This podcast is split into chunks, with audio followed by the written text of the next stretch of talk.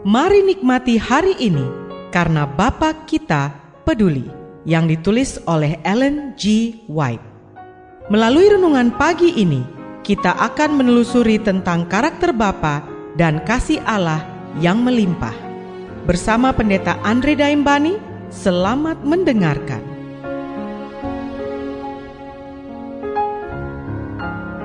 Shalom, selamat pagi saudaraku.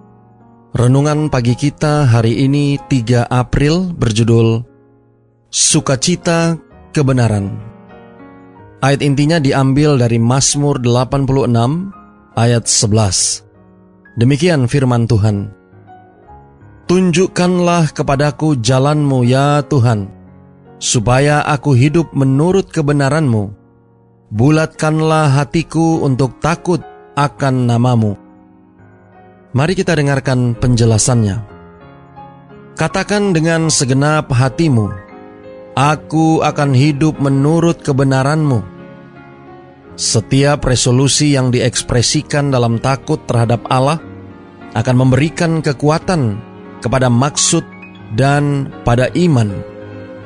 Itu akan cenderung merangsang dan merendahkan hati, menguatkan dan menegaskan, Aku akan hidup menurut kebenaranmu.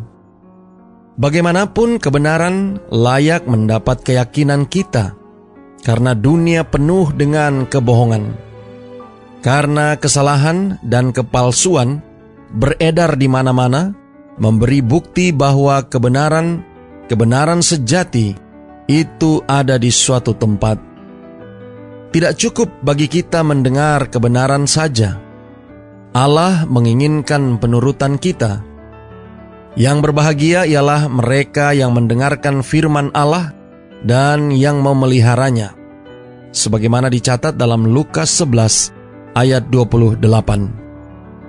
Jikalau kamu tahu semua ini, maka berbahagialah kamu jika kamu melakukannya.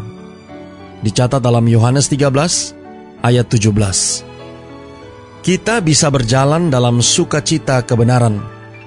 Hal itu bagi kita bukan lagi kuk perbudakan, namun penghiburan.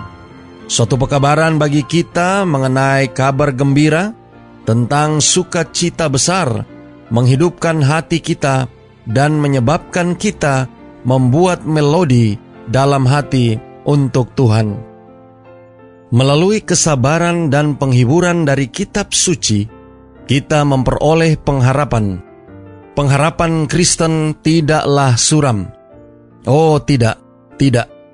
Itu tidak mengurung kita dalam penjara keragu-raguan dan ketakutan. Kebenaran membebaskan mereka yang mengasihi dan disucikan melalui kasih itu. Mereka berjalan dalam kebebasan penuh kemuliaan dari anak-anak Allah. Saudara-saudara yang kekasih di dalam Tuhan, kita yang mengaku percaya kebenaran harus menyatakan buah-buahnya dalam perkataan dan karakter. Kita harus jauh lebih maju dalam pengetahuan tentang Yesus Kristus, dalam penerimaan kasihnya bagi Allah dan bagi sesama kita, agar mendapatkan sinar terang sorga memancar dalam kehidupan sehari-hari kita. Kebenaran harus menjangkau jauh ke kediaman jiwa terdalam dan membersihkan segala sesuatu yang tidak sesuai keinginan Kristus. Dan kekosongan itu diisi oleh sifat karakternya yang murni dan suci dan tak tercemar. Sehingga semua pancaran hati bisa seperti bunga-bunga dengan aroma parfum, bau wangi yang manis, cita rasa kehidupan kekal. Kebenaran yang diam di dalam jiwalah yang membuat seseorang menjadi umat Allah. Doa kita hari ini. Bapa, terima kasih. Melalui renungan pagi ini, kami boleh mendapatkan satu pelajaran yang berharga bagi kehidupan rohani kami. Satu pelajaran tentang sukacita kebenaran. Terima kasih melalui renungan pagi ini kami diingatkan agar kami boleh lebih maju lagi di dalam pengetahuan kami tentang Yesus Kristus. Tolong kami hari ini Bapa, biarlah dengan pertolongan kuasa roh kudusmu akan menyanggupkan kami untuk dapat memancarkan kasih itu baik kepada sesama, teristimewa akan kasih kami kepada Allah.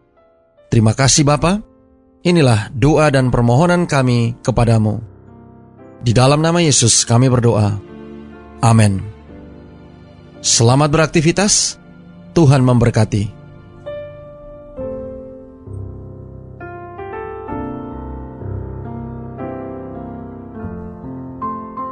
Demikianlah tadi pembahasan tentang Bapa Kita Peduli. Semoga firman Tuhan hari ini dapat menjadi berkat bagi Anda. Sampai jumpa, Tuhan memberkati.